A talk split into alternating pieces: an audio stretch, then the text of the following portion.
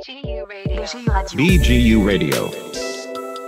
שלום וברוכים הבאים לפרק נוסף של מדרום תיפתח הטובה בשיתוף עם רדיו BGU. בפרק ראיינתי את הרב יובל שרלו. הרב יובל הוא ראש ישיבת אורות שאול וגם ראש תחום אתיקה בארגון צוהר. דיברתי עם הרב על הציבור הדתי-לאומי, על בוגרי החינוך הדתי-לאומי, אתגרים רבים בתחום הצניעות, יחס לדתל"שים, לימוד תורה, בחירה חופשית או כפייה בחינוך, מה עדיף.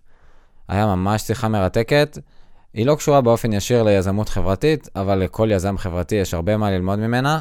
אני מזכיר שהפודקאסט מחובר לקהילת מדרום תיפתח הטובה בפייסבוק, אז אם אתם בעניין של לקדם יזמות חברתית בדרום, הצטרפו לקבוצת הפייסבוק שלנו.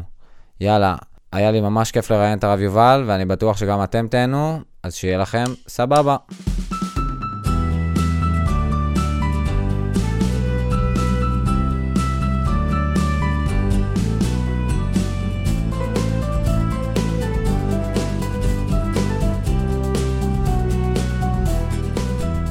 שלום, ברוכים הבאים לפרק נוסף של מדרום תיפתח הטובה.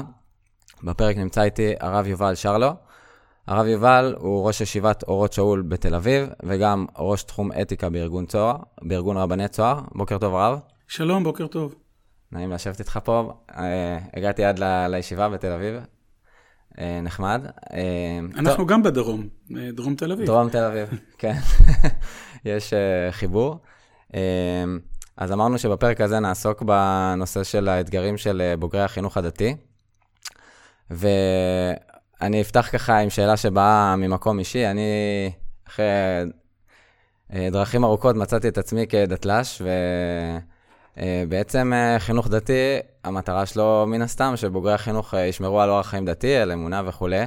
ומעניין אותי אז לפתוח דווקא מהמקום הזה של איך הרב רואה את הנושא הזה של היחס לדתל"שים וכל הסוגיה הזאת. לחינוך דתי יש הרבה מטרות.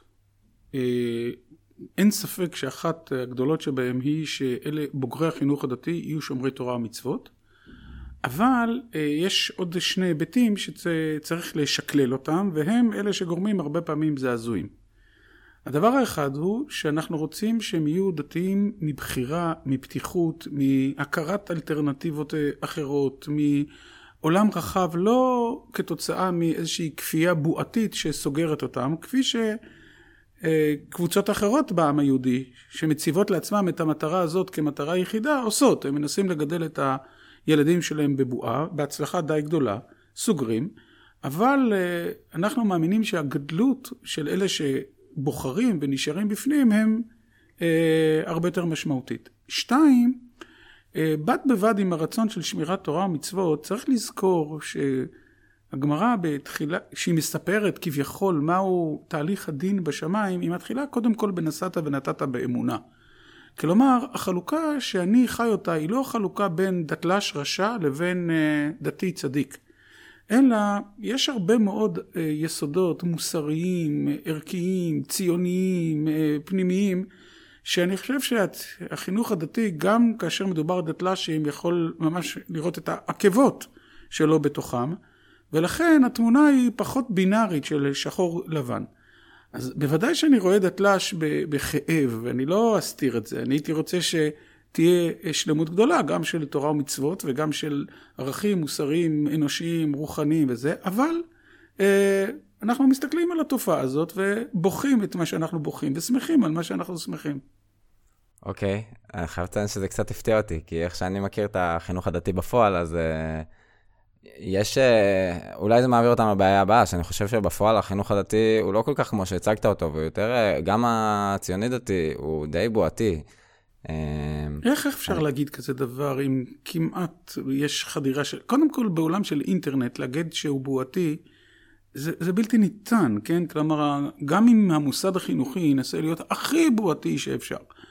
אז uh, מהרגע שיכולים uh, uh, לעבור את הגבולות במקומות אחרים, אז אני לא חושב שבכלל ניתן יותר לדבר על בועתי.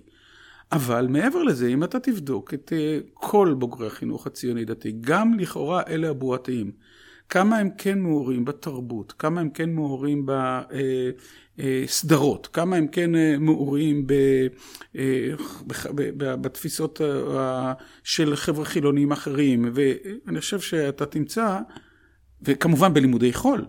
עצם, עצם לימודי חול, עצם הלימוד של אזרחות או ביולוגיה או, או אנגלית או כל דבר אחר, אתה, המקום הכי בועתי בחינוך הציוני דתי הוא המקום הכי אה, פתוח, כמעט הייתי אומר, בחינוך חרדי, כן? כלומר, כן. זה, זה עולם אחר. לכן אני לא הייתי מכנה את זה כבועה. אני כן מסכים איתך שיש ניסיון לנווט בין שתי דרכים, בין רצון לעשות איזושהי מסגרת מסוימת לבין הכרה שאנחנו רוצים את העולם הפתוח. אוקיי, okay, אז uh, אני אשאל יותר בכיוון של איך שאתה רואה את הדברים. מה, מה בעיניך היום uh, אתגר משמעותי בחינוך ובהצלחה שלו עם הבוגרים של החינוך הדתי? לי המצפן הוא מה שפתחתי בו מקודם. אותן שלוש שאלות uh, שהגמרא מציירת כהתוויית הדרך. הדבר ראשון, אני רוצה שבוגר החינוך הציוני-דתי יהיה איש ישר. נסעת ונתת באמונה. ישר במובנים מאוד עמוקים של יושרה. ישר עם עצמו, ישר בבין אדם לחברו, ישר ב, אה, בוואטסאפים, אה, בטוקבקים, בדמות של אדם מוסרי וערכי, אה, שהוא מבחינה זו משותף לא רק לחינוך הציוני דתי, הייתי רוצה לראות אותו גם בעולם החרדי וגם כמובן בעולם החילוני, אה, לא פחות מכך. זו, זו התשתית הראשונה. נסעת ונתת באמונה, זו השאלה הראשונה שאדם נשאל.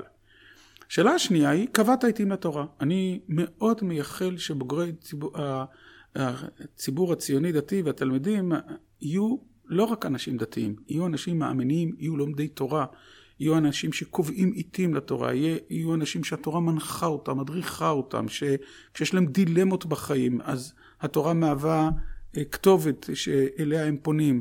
וזה דבר שני. ודבר שלישי, ציפית לישועה לא במובן של ציפייה פסיבית, אה, מחכים למשיח, אלא במובן הזה שבוגרי החינוך הציוני דתי יירתמו למשימות. למשימות תורניות, למשימות לאומיות, חלק יהיו תלמידי חכמים, ממשיכי התורה, שזאת תהיה הישועה שהם מצפים לה, חלק יהיו אה, ציוניים ויעסקו הרבה מאוד בהיבטים ציוניים ואזרחיים של המדינה, חלק יעסקו בבן אדם לחברו הכי פשוט, שלא יתכנסו לתוך עצמם בלבד, אלא שתהיה להם תמיד תודעה שהם צריכים לפעול לתיקון העולם שהם חיים בתוכו. אוקיי, okay, זה בהחלט אה, משימות גדולות לחינוך ולבוגרים. אה, הייתי שמח, יש לך אולי דוגמה אה, חיובית כזאת, של רגע אולי שקיבלת משוב מבוגר וככה מאוד נגע בך והרגשת, אוקיי, זה כן הכיוון שאנחנו... יש לי המון, אני המון, בשלושת התחומים, בשלושת התחומים. האחד, ציינת בפתיחה שאני ראש תחום אתיקה בארגון רבני צוהר. כשאני מנסה לראות כמה שאלות אתיות אני מקבל ביום, בנושא של התנהגות ערכית, מוסרית, רוחנית, אה, לא רק בביואתיקה, שזה יותר טבעי, אבל גם בשאלה של דיני ממונות, של האם אה, למשל אה, במערכת החינוך מאוד מקובל שבגלל תשלום לשעה למרצה מן החוץ הוא נורא זול, אז מדווחים דיווחי שקר. כל המדינה הזאת מתנהלת בדיווחי שקר שמדווחים חמש שעות על הרצאה של שעה. האם זה מותר מבחינה אתית או אסור מבחינה אתית? כל שאלה כזאת שאני מקבל, אני רואה בזה הצלחה חינוכית עצומה. של הדבר הראשון. הדבר השני הוא היקפים עצומים של תלמוד תורה. באמת, הציונות הדתית, אם פעם היינו יכולים לספור על כף יד אחת כמה לומדי דף יומי יש, כמה משתתפים בשיעורים, כמה נכנסים לאתרים תורניים ו- וכדומה, התלמוד תורה וכמובן של הבנות אה, מכפיל את עצמו כל הזמן. כלומר, אני רואה את זה באמת בהצלחה מאוד גדולה. והדבר השלישי, אני מוצא את אנשי הציונות הדתית נמצאים בצמתים מאוד מרכזיים של המדינה, במערכת השלטון, במערכת המשפט, במערכת uh, הצבא כמובן, ו, uh, ובעוד מערכות אחרות, שהציבור, החינוך הציוני דתי יכול גם לראות את הצדדים הטובים שהוא הצליח, ולא להתעלם מהנפילות והכישלונות שהוא לא, שהוא לא שם. שיש עוד מה להשתפר. לגמרי. אוקיי, אני רוצה רגע ללכת לכיוון אחר. מעניין אותי אה, ברמה האישית, אה, איך אתה מצאת, אני מבין שכבר מגיל צעיר אה, די התכווננת לתחום החינוך. אתה זוכר איך זה התחיל? אני מעריך שמי שאחראי לזה זה תנועת בני עקיבא. כלומר, כל מה שמסתובב סביב העובדה שאתה בסניף, שאתה עומד על הרגליים של עצמך, שאתה רוצה מאוד להיכנס להדרכה לא רק בשביל היוקרה האישית, אלא גם מוכן ללכת לסניפי פריפריה או למקומות אחרים כדי לבנות משהו אה, נכון, שם לדעתי מתחילה, מתחיל החיידק החינוכי הזה, אה, ואני רוצה להודות לתנועת בני עקיבא על, ה, על ההדבקה הזאת. מה, ספציפית באיזה סניף הרב היה? צמחתי בהרצליה, אבל בגלל שלמדתי בירושלים, אז לאט לאט אה, מרכז עיסוקי היה בסניפי ירושלים. אה, יפה. ואז זה כבר התגלגל ללימודים בישיבת הסדר, ואחרי זה כן, כניסה לעולם נכון, אבל אז גם בישיבת הסדר זה גם להליכה לקצונה בתחום הצבאי, וגם אה, אה, נכונות לשבת הרבה שנים בישיבה כדי לחשוב על אה, חינוך בתחום התורני הגבוה. יפה. ועכשיו שאנחנו מדברים, נראה לי גם שחוץ מאיזה איזה פתרונות יש לרב להציע, או, או התמודדות עם אתגרים, גם בכלל באמת ה... צורת המיפוי של הבעיות והסביבה שאנחנו נמצאים בה, אולי עליה עצמה אני חושב שיש מחלוקות בתוך הציבור הדתי. כאילו, אנחנו בתקופת בחירות בלתי נגמרת כרגע, ונושאים אה, מוצפים בצורה מאוד אה, קיצונית. ואני חושב, כולם ידברו היום על אה, דת ומדינה, יש היום תחבורה ציבורית שמתחילה לפעול בשבת בערי גוש דן, ו... לא נראה לי בכלל שהרב יצייר את זה באותה קיצוניות כמו שגורמים אחרים יצ... אה, יציגו את המצב היום. כביכול יש איזושהי אה, השתלטות של קרנות זרות על אה, דעתם של רבים בעם ישראל, או כל מיני דברים כאלה יציגו מצב מאוד קיצוני, אז אולי צריך להתחיל בכלל מה... איך הרב רואה את המצב היום, נגיד, בתחום הזה של דת ומדינה. תראה, מטבעי אני אדם רגוע. גם, ב, ב, גם ב, בהסתכלות על המציאות, ואני מנסה לראות את האורות ואת הצללים.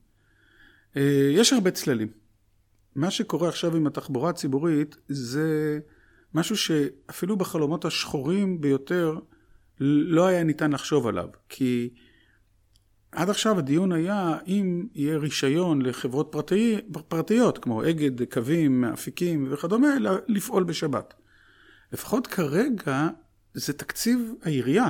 כלומר, כל ההסעות נכון. האלה הן נעשות על ידי תקציב העירייה, זה דבר שהוא הרבה הרבה יותר מרחיק לכת אה, אה, מאשר אי פעם היה אפשר לחשוב עליו.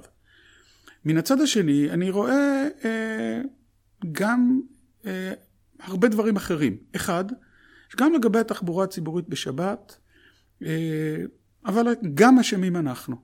אנחנו לא הסכמנו במשך זמן רב להגיע לאיזשהו הסכם, הסכם, לאיזושהי אמנה, לאיזושהי שותפות. באנו בכוח וניסינו להשליט את עמדתנו בכוח פוליטי. אז ברגע שמשליטים כוח אה, פוליטי, אז פעם אתה מצליח ופעם אתה נכשל, ועכשיו אנחנו בנכשל הגדול, שאי אפשר יהיה להחזיר את הגלגל חזרה. כלומר, זה צריך לזכור, זה דבר שהציונות הדתית צריכה להגיד לעצמה. השפה שלנו היא שפת הסכמות, היא שפה של ניסיון להגיע ביחד, היא ניסיון לשמוע גם את העולם החילוני, מה אתם רוצים? שיבוטא כיהדות המדינה. הרי 90 אחוזים מהעולם החילוני רוצה מדינה יהודית, רק הוא לא הגדיר לעצמו אף פעם, הוא רק הגדיר שנגטיבי. מה שאנחנו רוצים זה לא זה. מה שאני מתכוון להגיד הציונות הדתית והעולם החרדי. כן. אז, אז א', אנחנו צריכים לשים מול עצמנו מראה, אבל בעיקר אני מאוד מאמין שככל שעוצמת הכפייה החוקית תרד, ייפתחו יותר הלבבות לתפקיד שלנו כרבנים, לתפקיד שלנו כתנועה, לתפקיד שלנו כאנשים. והיכולת לקרב אנשים למצוות השבת ולהפוך אותם בלי אותם התנגדויות מעצם העובדה שכוח... שנכפית עליהם, זאת ההזדמנות שנמצאת עכשיו, וזה האור הגדול שאני רואה בתהליך הזה. אי אפשר יהיה עכשיו להתלונן על הדתיים כופים אותנו על שבת, כי הנה, עשיתם את כל מה שאתם רוצים. יאללה, אז עכשיו אפשר להתחיל לדון אה, בשבת עצמה. ואולי אה, מפה תיפתח טובה עצומה שלא מכוח המדינה, אלא מכוח קדושת השבת, אנחנו נצליח לשנות את המציאות. אוקיי, okay, אני אקח את הדברים של הרב, נראה לי זה יכול להתחבר גם למישור uh, של החינוך ברמה של uh, בוגרים, ובעצם ההתמודדויות הפרטיות של uh, כל בוגר ובוגר, כי נראה לי שיש פה שאלה יסודית בעצם במבט על המציאות, שהרב דווקא רואה באור יותר חיובי את הבחירה החופשית, גם בתחבורה ציבורית, או, או השבת במדינת ישראל, אם זה יבוא מתוך uh, בחירה חופשית ולא מתוך uh, כפייה של חקיקה, אז הרב כן אומר שזה uh, מציאות שהוא יותר מייחל אליה, ו, ואני חושב שזו שאלה בעצם באמת בסיסית, האם... האם uh, אנחנו רוצים לראות פה איזושהי, מה שמכונה מדינת הלכה עם חוקים uh, מאוד ברורים, ומי שלא מסתדר איתם אז uh, מוזמן לעזוב נגיד, איזשהו דיבור כזה. וזה גם מגיע למישור האישי, באמת בחינוך, כמה להדגיש את הבחירה, או לא יודע, לכולם, אני לא יודע מה המצב היום. מהתקופה שלי יש את הזיכרונות של הרם בישיבה תיכונית שבודק לך, ככה נותן איזה צ'פחה ובודק אם יש לך ציצית, ומעקבים אחרי הגעה לתפילה, ו... ודברים כאלה. אז אה, החיבור הזה שאני עושה זה נכון, כאילו, בין שאלה כללית של בחירה, וזה גם במישור הציבורי, גם במישור הפרטי? כן, אבל בשני, אני חושב שהחיבור נכון. אבל בשני הדברים, אני לא מתנגד לחקיקה דתית מתונה. אני חושב שחלק מהיותנו מדינה יהודית צריך לבוא לידי ביטוי גם ברשות הרבים הציבורית, ומדינה מעצבת את רשות הרבים הציבורית שלה על ידי חקיקה. זאת אומרת, אין, אני לא שולל לחלוטין אה, חקיקה דתית. אני רק אומר, בוא נעשה אותה בהסכמה, ואפשר להגיע, לו, לו היינו, וגם עכשיו, לו היינו עכשיו שואלים ביחד, לא במאבק כוחות פוליטי, אלא יושבים, כמו אמנת גביזון מדן, או כמו דברים כן. אחרים, אני לא, לאו דווקא האמנה הזאת, אבל יושבים ביחד ומנסים לנסח דרך שמצד אחד כן תהיה חקיקה, כן תהיה, יהיה עיצוב אפילו כוחני מסוים של רשות הרבים הציבורית, כי אה, הגדרנו את עצמנו כמדינה יהודית, אבל מצד שני תהיה מאוד מתונה ומאוד בהסכמה. אותו דבר אני חושב גם בחינוך הפרטי. אני לא בעד אה, בית ספר או ישיבה תיכונית או בית ספר לבנות, שכל אחד בא ועושה מה שהוא רוצה, הכל מבחירה חופשית. אני כן חושב שצריכים להיות קווים מאוד, אה, אה, קווים קיימים. אבל הקווים האלה צריכים להיות קווים מושכים, קווים מאפשרים, קווים של עולם התיקון, ולא קווים שמניסיון אה, לחשוב שכתוצאה מאלימות בית הספר, אנחנו נצליח לגרום לחבר'ה להמשיך להיות דתיים. זה, זה, זה גם לא מצליח, אבל לא רק שזה לא מצליח, אלא שגם אם זה כן יצליח, זה לא מה שאני רוצה. אני רוצה בני אדם שהם יתקרבו לקדוש ברוך הוא ויעבדו את השם כי הם החליטו לעבוד את השם, ולא כי מישהו אה, הכריח אותם ואין להם לא, לאן ללכת. אז לכן, אם אני מתמצת, שזה יהיה במתינות, שתהיה חקיקה דתית מתונה ובהסכמה, שגם בתחום החינוכי, הרבה פעמים בשיח נכון שבין הרב שרוצה שהילד ילבש ציצית לבין הילד עצמו, אפשר להגיע לתנועה משותפת של, של, של עשייה ולא כפייה שהרב נמצא מלמעלה למטה. אני מאוד מאמין בדרך הזאת. אוקיי, okay, הרב הזכיר כמה פעמים כבר את המילה מתינות ורוגע, ואני חושב שגם קראתי בעבר שהרב עסק בנושא הזה, שיש איזשהו מתח בין המתינות והרוגע לבין הלהט הדתי, שזה גם ערך שאני מאמין שהרב אה, מעוניין שיצמח ויפרח, וגם אני אגיד באופן כללי, אני אשמח אם הרב יוכל לתת אה, דוגמאות של חניכי ודברים ככה, סיפורים יותר שימחישו לנו את זה, זה יעזור למאזינים גם. אבל אה, איך, לאור כל מה שהרב אמר על אה, רוגע, איך, איך אפשר אה, לייצר גם להט דתי ואיך הרב רואה את זה מתממש? יש שני סוגים של מתינות. יש מתינות בינונית, אפורה, אה, אני אגיד, כמו שלפעמים אנחנו מטיחים בעצמנו את מילת הגנאי בעצמנו, מזרוחניקית כזאת, אה, נשתער, נשתער, לא משהו רציני, בלי ברק, בלי עוצמה, בלי זה. זו המתינות הרעה שיש בציונות הדתית, והיא הרבה פעמים מובילה באמת לתהליכים של רפיון, של חילון וכדומה. יש מתינות שנולדת בכלל מעולם אחר, והוא מהעובדה שאתה מאוד קיצוני, אבל לשני כיוונים מנוגדים. כלומר, אני מאוד מאוד קיצוני באמונה שלי שצריך לעבוד את הקדוש ברוך הוא, ושיש לנו ברית של עם ישראל עם הקדוש ברוך הוא לשמור מצוות. ואני מאוד מאוד קיצוני שצריך לעשות את זה מתוך בחירה חופשית.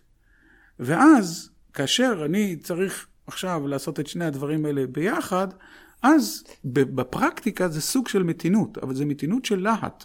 זו מתינות שיש בה רצון מאוד עמוק שיותר ויותר יהודים ישמרו תורה, ויש בה רצון מאוד מאוד עמוק לכבד את הבחירה החופשית של כל אחד אה, ואחד, ואתה כל הזמן נע בין, בין שני התחומים האלה. זו המתינות האהובה עליי. מי שכתב עליה מאוד יפה זה הלל צייטלין. אתן לך דוגמה, אם שאלת בפועל, אה, יש שני סוגים של בחורים בישיבת הסדר. יש כאלה שבאו לישיבת הסדר, והם אמרו לעצמם, אני לא רוצה להיות חייל יותר מדי, אני לא רוצה להיות תלמיד חכם יותר מדי, אני רוצה להיות מין משהו כזה באמצע, והם הם לא אלה שאני רואה אותם מול העיניים כאידיאל של ישיבות ההסדר. יש הרבה חבר'ה כאן בישיבה שבאו לישיבת הסדר, אני אצייר את זה ככה, שלו לא הייתה חובה ללכת לצבא, הם היו לומדים המון שנים תורה. כי הם קיצוניים בתורה. ולו לא הייתה חובה ללמוד תורה, הם היו הולכים לצבא, לשירות אה, אה, אה, משמעותי. עכשיו, שני הדברים האלה מתנגשים. ואז הם מחפשים כל הזמן את הדרך איך להיות הלוחמים הטובים ביותר, ובד בבד תלמידי החכמים הטובים ביותר, והם כל הזמן בסערה ובברק. אלה האנשים שאני מאוד מאמין, ואני מנסה ללכת בדרך הזאת. כן. טוב, אני אשלים את זה, זה משל שאני זוכר מימים עברו של גם וגם, יש גם חשש שבסוף תצא ברווז. כן, כאילו, נכון, לגמרי. שזה יצא משהו בינוני, גם אם זה בא ממקום אולי אה, שרוצה לכבוש את כל הפסגות, אבל פשוט המשאבים מוגבלים. לגמרי, ו... לגמרי. אבל בוא נשאל גם מה האלטרנטיבה. האלטרנטיבה יכולה להיות שאתה תהיה קיצוני לצד אחד ותתעלם מהדברים החשובים שנמצאים בצד השני, ואז אתה לא ברווז, אתה עכשיו נמצא איזה דימוי אחר, אתה חד קרן, חד קרן, אתה בדיוק, אתה מבין? כלומר, תמיד אה, תמיד צריך לשקול דרכים מול דרכים. אתה לא יכול רק לשים את המב... להינעל על החסרונות שיש בכל דרך. את החסרונות אני הצבתי בהתחלה כבר. כן. אה, אז באמת אה, דרך אה, מאוד מיוחדת. אני לא, לא, מעניין אותי, סתם, אולי זו שאלה, כמה הרב מרגיש שבמערכת חינוך הדתית יש מקום לדיבור ולתוכן שהרב מציג עכשיו? התחושה שלי שבגלל שדווקא אנשים אידיאליסטים נוטים ללכת לחינוך, ודווקא אנשים עם אה, ראיית עולם יותר קיצונית, הם אה, נוטים להיות גם יותר עם לאט ויותר אידיאליסטים, אז בפועל אה, בחינוך הדתי יש יותר קולות בסגנון פחות מתון. אני חושב שאתה צודק. אני חושב שאתה צודק, וזה באמת קריאת כיוון לאנשים שמאמינים במה שאני מבטא. אה, ללכת לחינוך. אני חושב שאתה צודק לגמרי. כלומר, אם אה, המערכת, הצ, הציבור הציוני דתי הוא מאוד מגוון.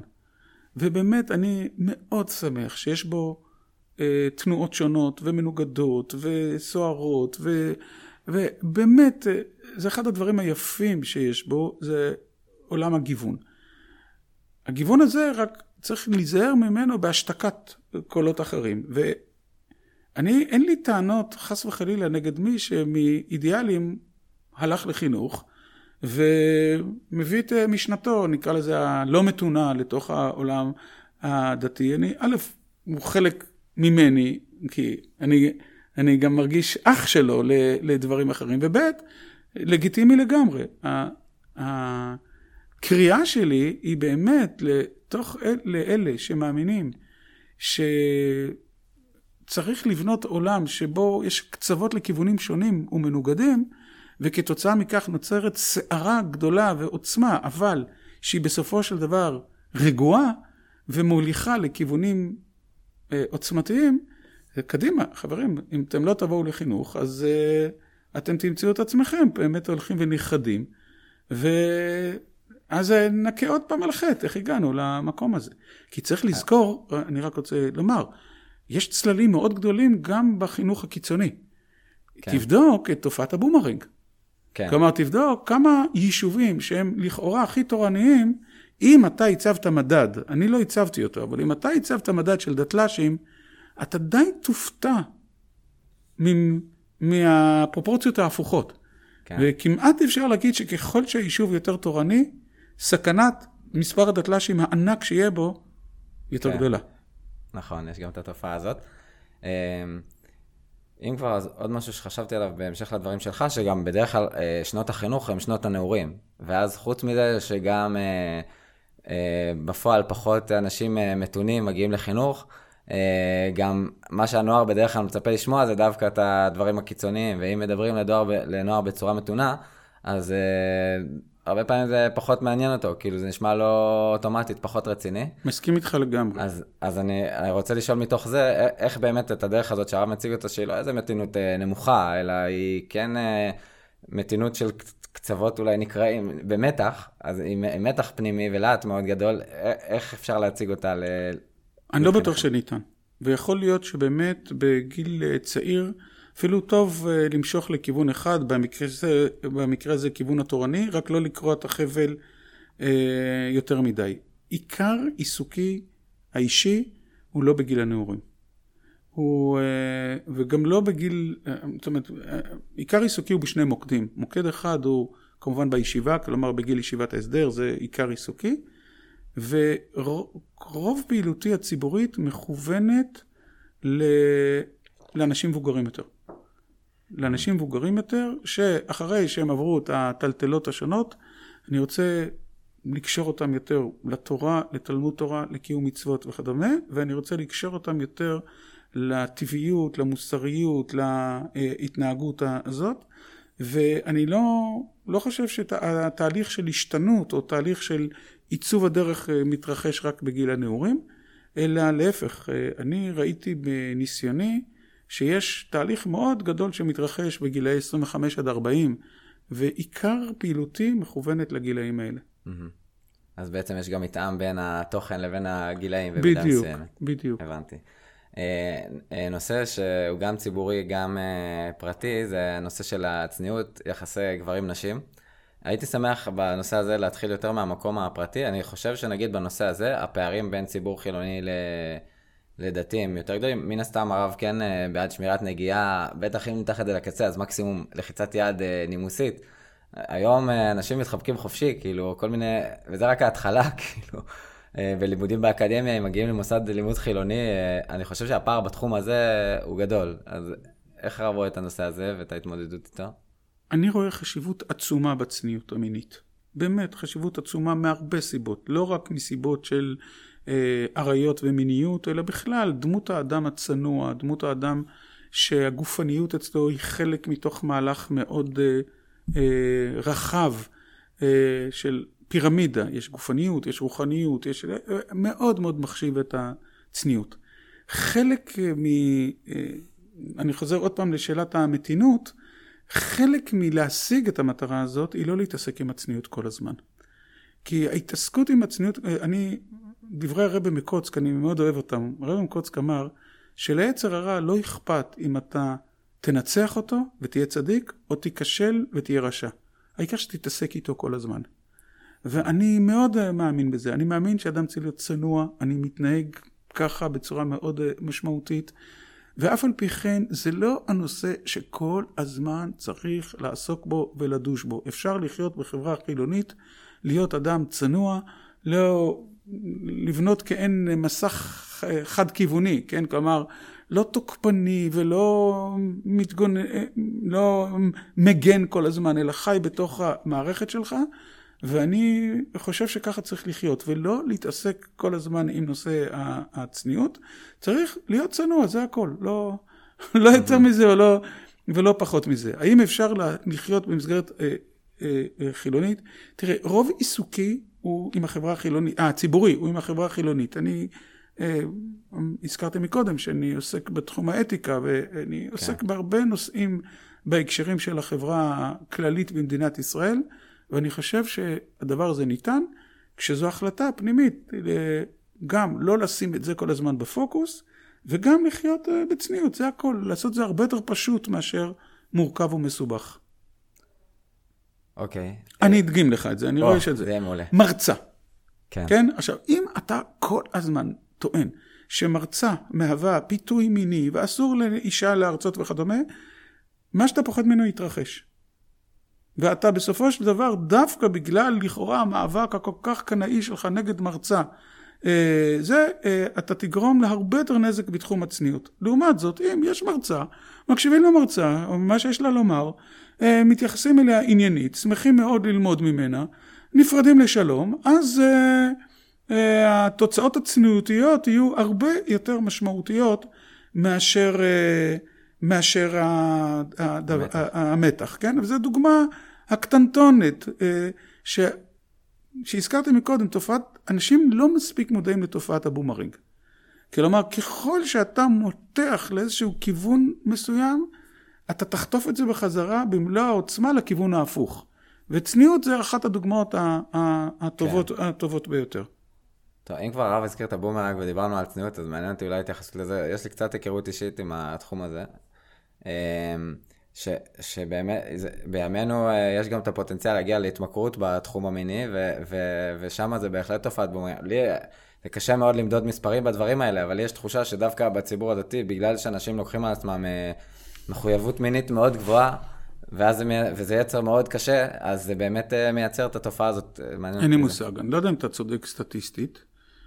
אני כמובן מקווה שלא, אבל אני לא יודע, לא, אין לי משהו להגיד על זה, okay. כי אוקיי. אני לדעתי זו תיאוריה, אבל... אה, אתה מכיר את זה מקרה ספציפי. לא, אני... אני בא לא. ממקום כזה. ההיכרות עם אה, התמכרויות פורנוגרפיות בציבור הדתי, אין רב שלא מכיר. אין. רב שלא מכיר, זו תופעה שהיא קיימת. האם להגיד שהיא קיימת יותר, פחות, באיזה עוצמות ועוד דברים, האם זה כתוצאה מהצניעות, או להפך הצניעות מגינה, לא, זה... כן. צריך מחקר הרבה הרבה יותר okay. אה, אוקיי. משמעותי כדי להגיד משהו, ואני לא יודע. אמ, אני יכול רק להגיד שבתחושה שלי, וזה אולי כן הרב יכול להתחבר, הנושא הזה של רגשות אשם מאוד כבדים, זה, זה דווקא המנוע. כאילו, בתהליך שקורה שם, שבן אדם אה, כביכול נופל, ואז רגשות האשם שלו מאוד גדולים, וזה לא קשור ליצר שלו שעדיין בוער, והוא נופל שוב, ונוצר איזשהו כזה. סביר להניח, אבל אתה מניח כן. למשל שרגשות אשם לא קיימים בציבור החילוני, ואתה גם מניח שרגשות אשם הם תמיד שליליים, ולא יכול... אתה מבין? כלומר, התמונה היא כל כך הרבה יותר מורכבת. כן. שאני לא יודע. אני שוב אומר, אני מקווה שאתה לא צודק. יכול להיות שכן, כי התיאוריה היא בהחלט יכולה כן. להיות. אה, לא יודע. כן, נמשיך הלאה, בסדר. זה באמת אבל uh, מעניין אותי שהסגנון דיבור של הרב זה זה כאילו לוקח את הש... השאלות הולכות פתאום למקום אחר, כי אה, יש היום ברשות אס.אם.אס כל מיני שאלות מאוד פרטניות בנושא צרניות, האם מותר בדיוק לשמוע את המרצה, והאם מה בדיוק היא לבשה ו... ודברים כאלה, אבל... אה, אז אני לא עונה, אני לא עונה בכלל ברשות אס.אם.אסים, אבל כשאני נשאל שאלה, זה, אני נשאל אה, את זה, אז אם השאלה היא האם של בנות, האם מותר ללכת עם זה ואם לא את זה, התשובה שלי, זה לא נושא שאני צריך לענות בוא תשאלי מחנכת, מורה וכדומה, היא צריכה להתעסק, ואם זו שאלה של אה, אה, צניעות, אז נניח מרצה, אז התשובה שלי תמיד תהיה כזו. עדיף תקשיב, תלמד ממנה, תתייחס עניינית וכדומה. אם אתה מרגיש שהיא מטריפה את דעתך, אז אל תלך לקורס הזה. זה, כן. אבל, אבל הנורמליות הבסיסית, היום אסור להגיד נורמליות, אז אני, לא, אני נזהר, אבל, אבל הצניעות הבסיסית היא לא לייחס לכל אה, דבר משמעות מינית, כי ברגע שאתה מייחס לה משמעות מינית, אתה הפכת את זה ללא צנוע. כן. זה, זה, זה, זה איזשהו מין פרדוקס אה, אה, שכזה. ולכן אה, אני חושב שזה דבר הרבה הרבה יותר פשוט והרבה יותר אמיתי והרבה יותר צנוע. כן. תראה, אני עוסק עם נשים בהיקפים עצומים, באמת בהיקפים עצומים, גם כרב, גם בתחום האתי, גם בתחום ניסו, ניסויים גנטיים, שזה, בכל מיני תחומים, אני עוסק עם נשים בהיקפים עצומים. אני לא נמצא במלחמת יצר אה, מתמידה, אני לא נמצא בזה, אה, ואני כמובן בחיים, לא רק שאני לא אה, אה, נוגע בנשים, אלא אני לא נמצא אפילו בסיטואציה שאני יכול לגעת בנשים, כן? כלומר, אין כן. לי סיטואציה כזאת, שומר על חירותי, על צניעותי, שומר על כבודם ועל חירותם ועל צניעותם, וזהו, זה... הרבה הרבה יותר פשוט מאשר כל התסבוכות, ולדעתי okay. זה אוקיי. גם יותר צנוע. הבנתי, מעולה.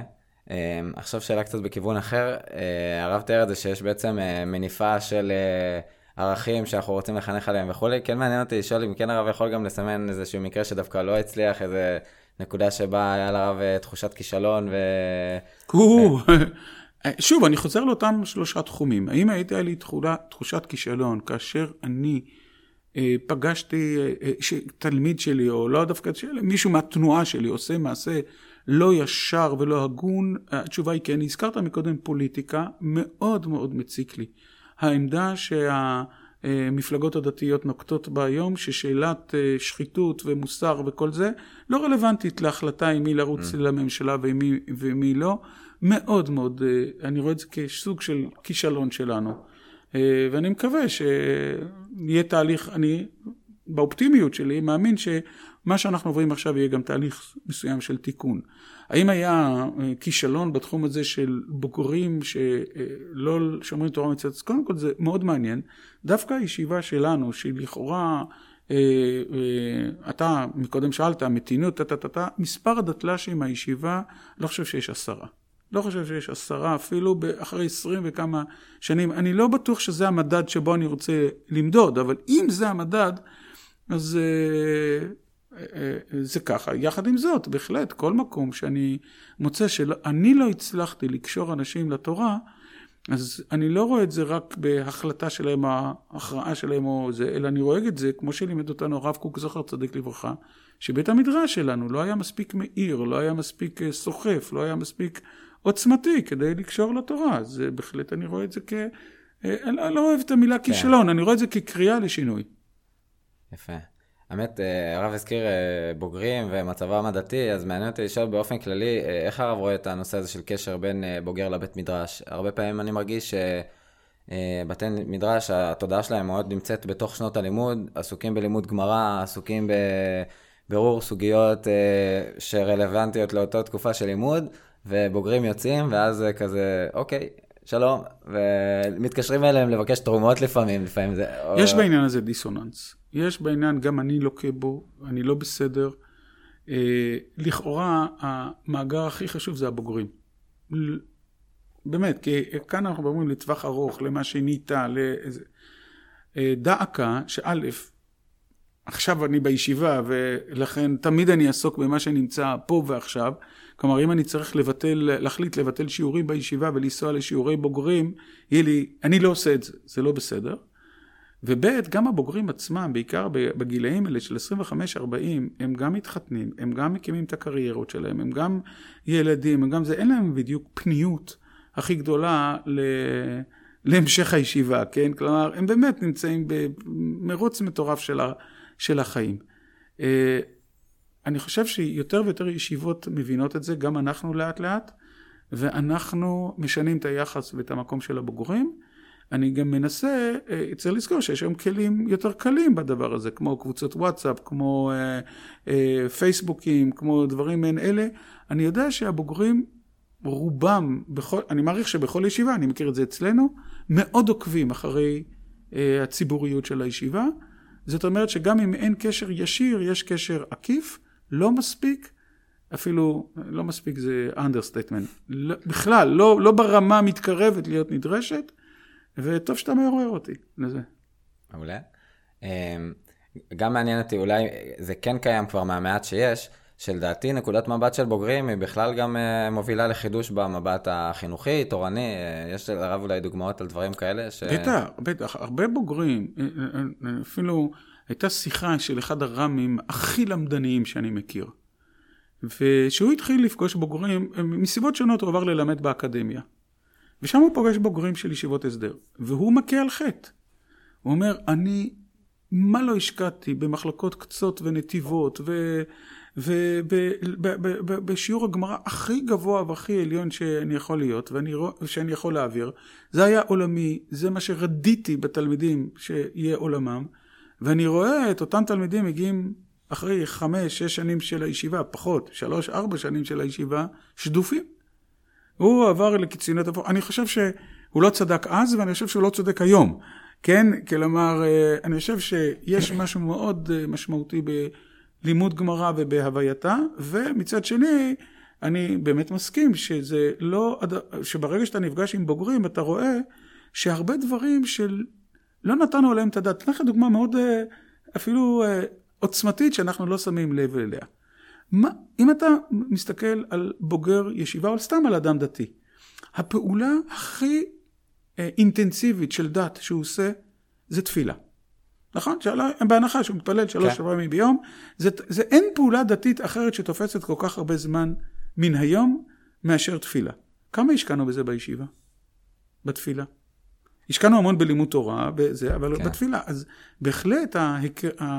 מה שתיארת, כשאתה נפגש עם בוגרים ואתה רואה איפה, ה, איפה הפערים, אז אתה חוזר לישיבה ואתה מבין שהישיבה צריכה אה, אינטנסיביות מאוד גדולה של עיסוק בתפילה, כי בסופו של דבר, זאת כן. תהיה המשמעות בהמשך. אני יכול לעורר עוד נושא מעניין אם יצא אה, לפתח מחשבות בכיוון הזה, שגם הלימוד תורה בדרך כלל מאוד מאוד משתנה, זאת אומרת, אה, דווקא הרב ציין את זה, זה קביעת עיתים לתורה, בעוד הישיבה זה מין כזה מכון מחקר, או משהו לגמרי. שהעיסוק בתורה הוא... האם יש, האם אנחנו מכשירים את הבחורים בישיבה למצות חצי שעה של תלמוד תורה? כלומר, אבל נניח שיש להם חצי שעה, הם באו ללמוד חצי שעה, לומדים דף גמרא, האם נתתי לו כלים להפוך את הלימוד הזה למשמעותי? זה נושא מאוד, פה בישיבה זה מאוד משמעותי. זה ממש אחד, ה, אחד היסודות.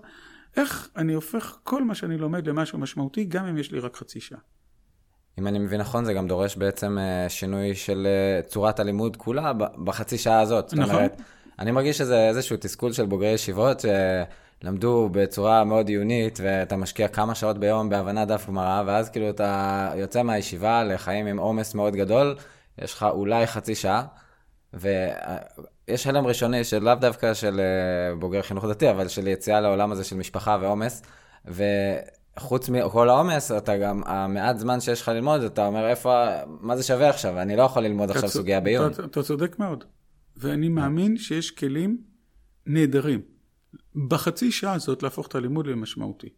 אז אולי הרב יכול לתת איזה טעימה משהו? כן, אפילו השאלה, שאתה...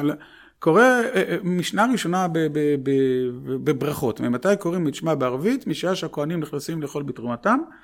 אה, עד סוף השמורה הראשונה, יש שלוש דעות, עד מתי מותר לקרוא קריאת שמע של ערבית. אם אתה לומד בקיאות, אז אתה לומד שיש שלוש דעות. אם אתה מתרגל לשאול את השאלה, על מה מתווכחים? על מה מתווכחים? אוקיי. Okay. ברגע ששאלת את השאלה הזאת, פתאום הלימוד כבר מתחיל להיות משמעותי.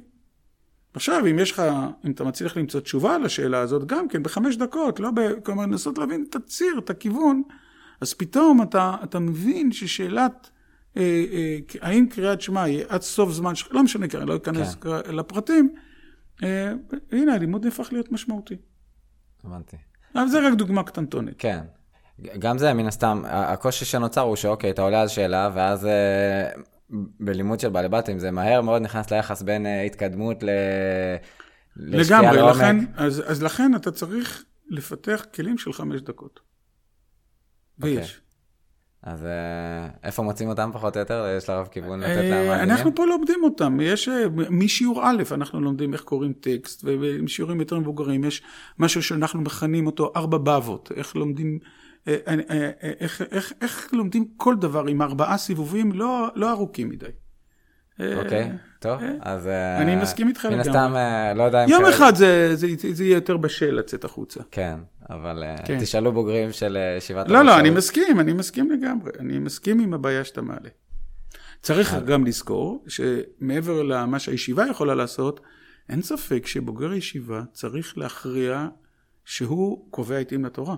זאת אומרת, לא תמיד אה, תהא התורה מאירה אשר תהא, אם אדם לא יחליט שבסדר היום שלו הוא מתיישב ללמוד, זה חלק בלתי נפרד מהחיים שלו, מעבודת השם שלו, לא יעזור שום דבר אה, אה, בדבר הזה. זה צריך להיות מפגש בין הרצון והנכונות והמצווה של ללמוד תורה ושל קביעות עיתים בתורה, לבין תורה מאירה, נוגעת, מהפכת לב וכדומה.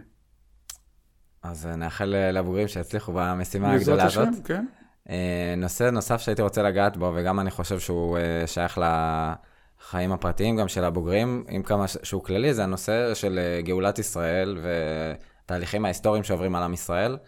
אני ברמה האישית מרגיש שתורת הרב קוק שגדלתי עליה נמצאת באיזשהו משבר היסטורי, פשוט מבחינת הסיפור ההיסטורי. כאילו, אה, אה, כשאני גדלתי, אז גוש אמונים, גדלת, קצת אחרי הסכמי אוסלו, בסוף הגיעה ההתנתקות, שלדעתי העצימה את המשבר בצורה אדירה, וכאילו המאבק על ארץ ישראל אה, נמצא במקום אחר, לא, לא יודע כמה הוא בכלל אה, דרמטי היום, כאילו, עוד ג'בלה, עוד פחות ג'בלה, כאילו, סיני כבר נמסר, אה, באזור עזה זה, זה, זה, זה קטסטרופה שלאף אחד, לא יודע, אפשר לדבר על לחזור על גוש קטיף, אבל זה בערך כמו לדבר על בית המקדש. אה, החברה הישראלית, לא בדיוק אה, קל למקם אותה על המפה ההיסטורית שהרב קוק בנה, ומעניין אותי אז אה, איך הרב מסתכל על הסוגיה הזאת. הגאולה והתחייה במשנת הרב קוק לא נוגעת רק לארץ ישראל. למעשה אין עמוד אחד במשנתו שלא מדבר על תורה בזמן גאולה, על עבודת המידות בזמן גאולה, על מיניות בזמן גאולה, על יחס לתרבות זרה בזמן גאולה, על אורות התשובה בזמן גאולה, על תלמוד תורת ארץ ישראל בזמן גאולה ו- uh, וכדומה. לכן, משנת הרב קוק, כאשר לוקחים אותה לקטע מאוד מאוד צר, והוא שאלת ההתיישבות בארץ ישראל, אגב, גם היא מתפתחת יפה, אבל אתה צודק לגמרי שהיא לא נמצאת כיום. במוקד, לא במוקד הציבורי ולא במוקד הפרטי. אבל אה, עולם התחייה הגדול שמשנת הרב קוק אה, אה, כוללת בתוכו, כפי שאמרתי, היא כל כך, הוא כל כך עשיר והיא משתרע, העולם הזה משתרע על פני כל כך הרבה תחומים, שאני חש שעוד לא התחלנו לגרד את כל מה שנמצא אה, במשנתו של הרב קוק בתחום המעבר ההיסטורי הזה שבין גלות לבין גאולה. זה אה, קשור אפילו לנושא הקודם שדיברנו עליו, תלמוד תורה. הרב קוק קרא לתלמוד תורה של תורת ארץ ישראל, של אחדות, אגדה והלכה, של בניין אה, מדהים של הלימוד הטכני נקרא לזה, המעשי, עם הפילוסופיה והרעיונות שנמצאים מסביבו. אנחנו, איפה אנחנו עושים את זה? אנחנו רק מתחילים לגרד את זה.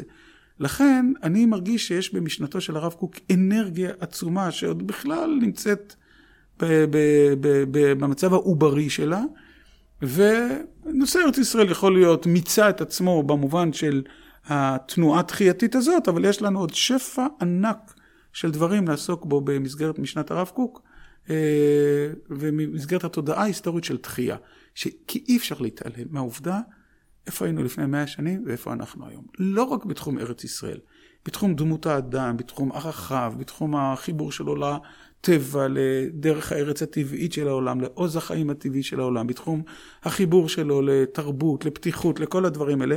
תהליכים כאלה גם מתחילים לקרות בעולם החרדי, לאט לאט. זאת אומרת שאתה מוצא בעולם החרדי למשל תלמידי חכמים עצומים שיש להם מגע יותר עמוק עם, עם, אה, עם האקדמיה, שיש להם מגע יותר עמוק עם הפילוסופיה. לא יודע כמה אה, אה, האינטרנט משמש רחבת מפגש מדהימה לכל מיני דברים שכאלה. מי שמכיר את הפורום של אוצר החוכמה יודע היטב על מה אני מדבר. כן.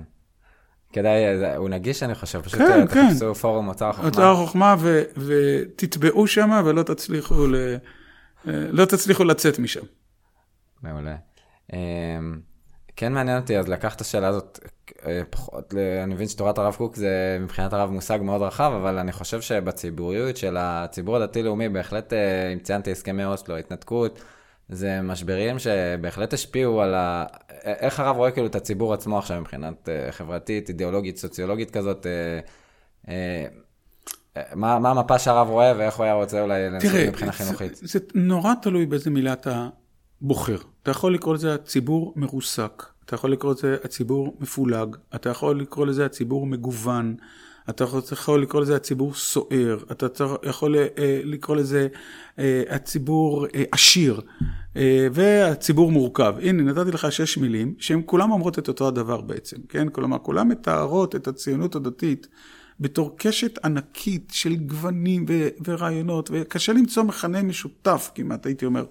כן. בתוך הציונות הדתית. ואף על פי כן, לדעתי זו, אני כל כך שמח להיות חלק אה, ממנה, עם כל הכאבים שיש לי ועם כל הצללים שיש בדבר הזה, כי אני רואה בה באמת את התנועה שבה נפגשות כל האידאות האלה, הדתית והחילונית, החסד ודין, אה, אה, פתיחות וסגירות, דתיות וחילוניות, מה שאתה רק רוצה, יש בתוך הציבור הזה, והתסיסה הזאת גורמת לאין ספור זרמים וזרמי ביניים, שלא הזכרנו בכלל את הצד החסידי או את הצד אה, אה, שהולך אה, ב, ב, בכיוונים אה, אה, אה, אומניים אה, ושלא קשור דווקא לחסידות. הכל, יש אצלנו שפע של, אה, של סערה פנימית, ואני מאוד אוהב את זה, מאוד מאוד אוהב את זה. למרות שכמו שאמרת, אני לא בטוח שיש איזשהו מכנה משותף אחד אה, שקושר את כולם. ו... מי שמנכיח את זה זה הפוליטיקה, לא שהפוליטיקה זה הנושא העיקרי, אבל עובדה היא שרוב הציבור הציוני דתי בכלל לא מצביע למפלגות ציוניות דתיות, כבר כמה מערכות בחירות, כן. אם אתה בודק את, את המספרים. זאת אומרת, הפוליטיקה משקפת, היא לא הנושא, אבל היא משקפת את העובדה שרבים אנחנו, כל אחד מאיתנו נמצא במקום אחר, ויש כנראה איזה חוט סמוי שקושר את הציונות הדתית, אבל אה, העושר והגיוון הוא, הוא, הוא, הוא Mm-hmm. המאפיין היותר גדול.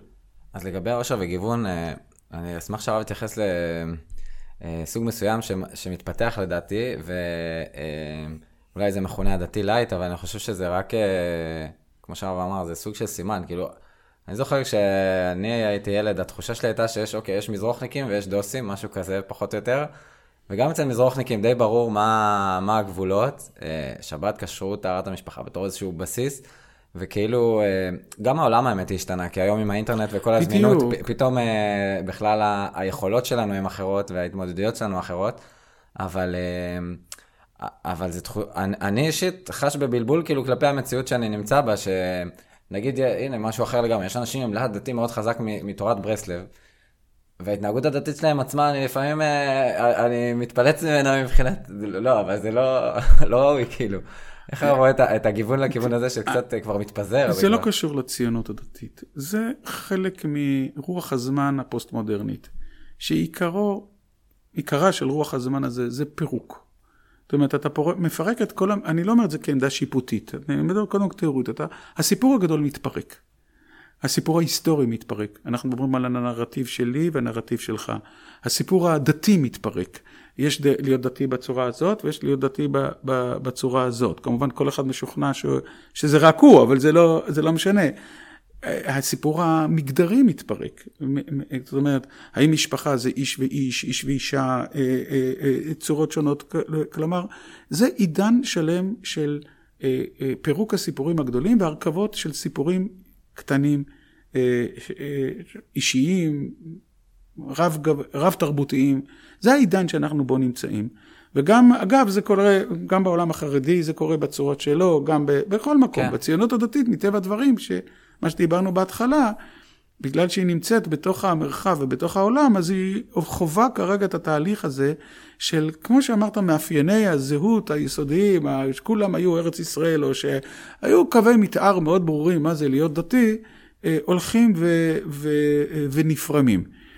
עכשיו, אפשר, אה, אני יכול להגיד לך רק מה, מה אני, אני אה, לא נכנס בכלל למלחמה נגד או לעמדה השיפוטית או דברים שכאלה, לא בגלל שאין לי עמדה שיפוטית או לא בגלל שאני לא חושב שצריך להילחם נגד, אני לא, רק לא רואה בזה שום ברכה, לא רואה בזה שום תוצאה. אני, מה שאני מנסה לעשות, הכותרת שלי זה עולם התיקון. זאת אומרת, כל אחד ואחד, איפה שהוא לא נמצא, לנסות להיות איתו ביחד בכך שהוא יהיה יותר טוב מהמקום, מאיפה שהוא נמצא כרגע. זאת אומרת, תיקח את הדתי הלייט הכי אה, קיצוני, ואדרבה, אם אני אצליח לגרום לו לבוא ללמוד אה, שיעור בדף יומי, או אם אני אצליח אה, לגרום שיפסיק לסמס בשבת, או אם אני אצליח לגרום לכך שהוא יעשה מעשה חסד שמאיר את עיניו והוא יתמסר בלילה ללכת לאולמות של חתונות ולאסוף אוכל ולחלק את זה ליום שלאחר מכן בחמגשיות לאנשים שרעבים,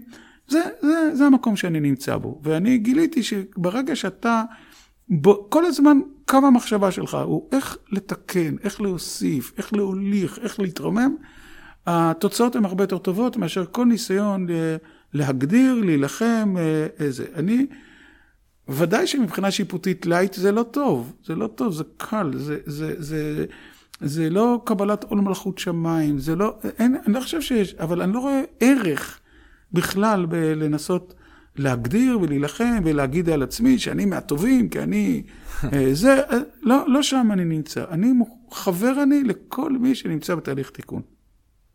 אוקיי. זה סוג של הגדרה ליראוך, של... כן, כן, יראוך של היום לדעתי זה כל מי שנמצא בתנועת תיקון. יפה. אנחנו כבר יחסית מתקרבים לסיום, אז אם לרב יש דברים להוסיף זה יתקבל בברכה. עוד שאלה שהייתי רוצה למקד, באמת, תוך כדי השיחה אני מבין כמה דו... שאלות כאלה הן קשות ופחות רלוונטיות לרב, אבל אם צריך לבחור עצה אחת, שיש בוגר עכשיו, מישהו בוגר החינוך הדתי, איזה עצה היה הרב נותן לו, כשצריך כן למקד? אז, אז אמרתי, תהיה בתנועת תיקון.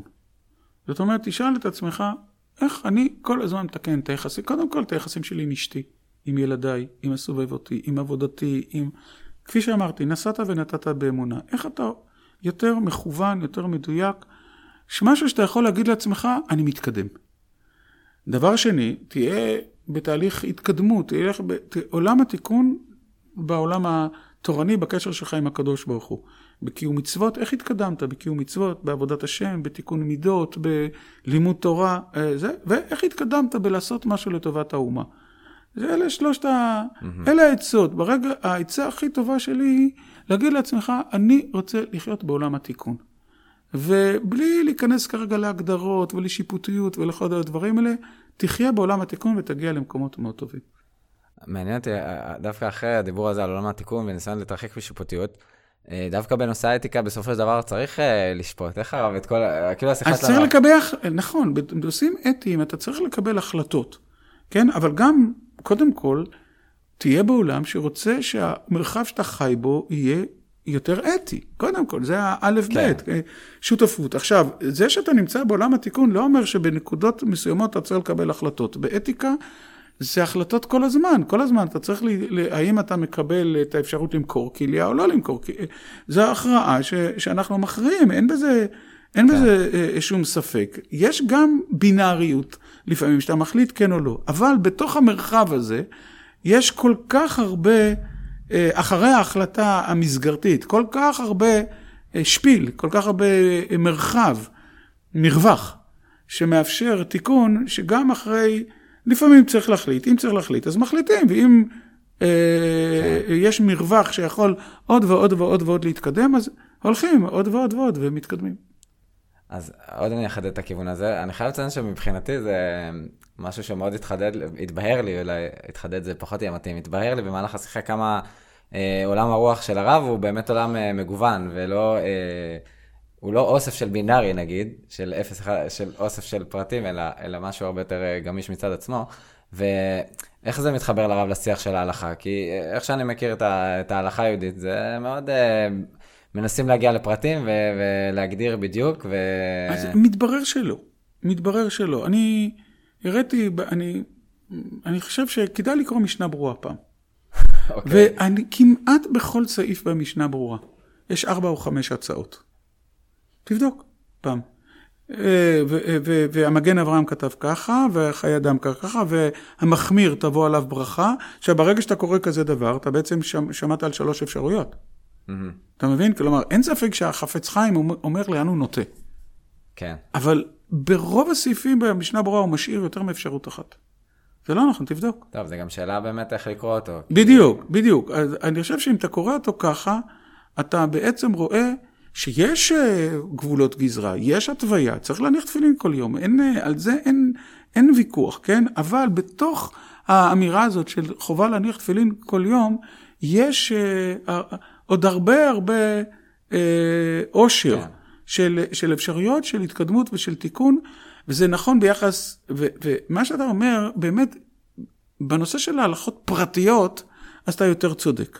יש, עם השנים התקבלה, התייצבה, נקבעה, מוסגרה אה, התנהגות הלכתית. אבל ברגע שאתה מגיע להכרעות הגדולות באמת בחיים, אה, אז למשל, מה ששנוא עליך אל תעשה לחברך.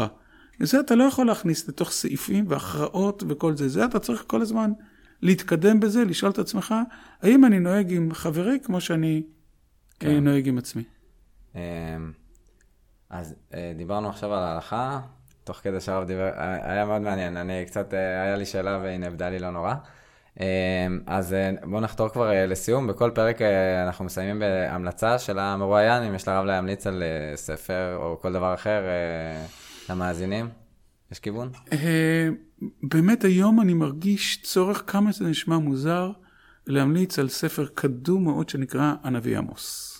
אוקיי. Okay. ואני מציע באמת, במובן הזה של אם יכולתם לשמוע מכמה מרכזי אצלי, נסעת ונתת באמונה, הסולידריות, האחריות החברתית, היושר, המוסר, אי ניצול הכוח בידי החזקים אה, וכדומה, לקרוא את עמוס. אה, אני חושב שלו כולנו היינו קוראים את הנביא עמוס, עמוס זה כמובן דוגמה, לפני שהיינו מקבלים החלטות אה, ציבוריות ומדיניות ואפילו אישיות, אני חושב זו המלצה מעניינת. שהיינו עושים משהו טוב מעולה. בעולם. עכשיו, אה, אני חזר לי מה שרציתי להגיד, ש, שבדיון שאני מרגיש בתוך הציבור הדתי-לאומי, לאור כל מה שדיברנו, הרבה פעמים זה תכלס לא שאלה של אה, מה קורה והבנת העובדות, אלא באמת יש פה אה, אה, תפיסת עולם ואיך בכלל לקרוא את המשנה ברורה.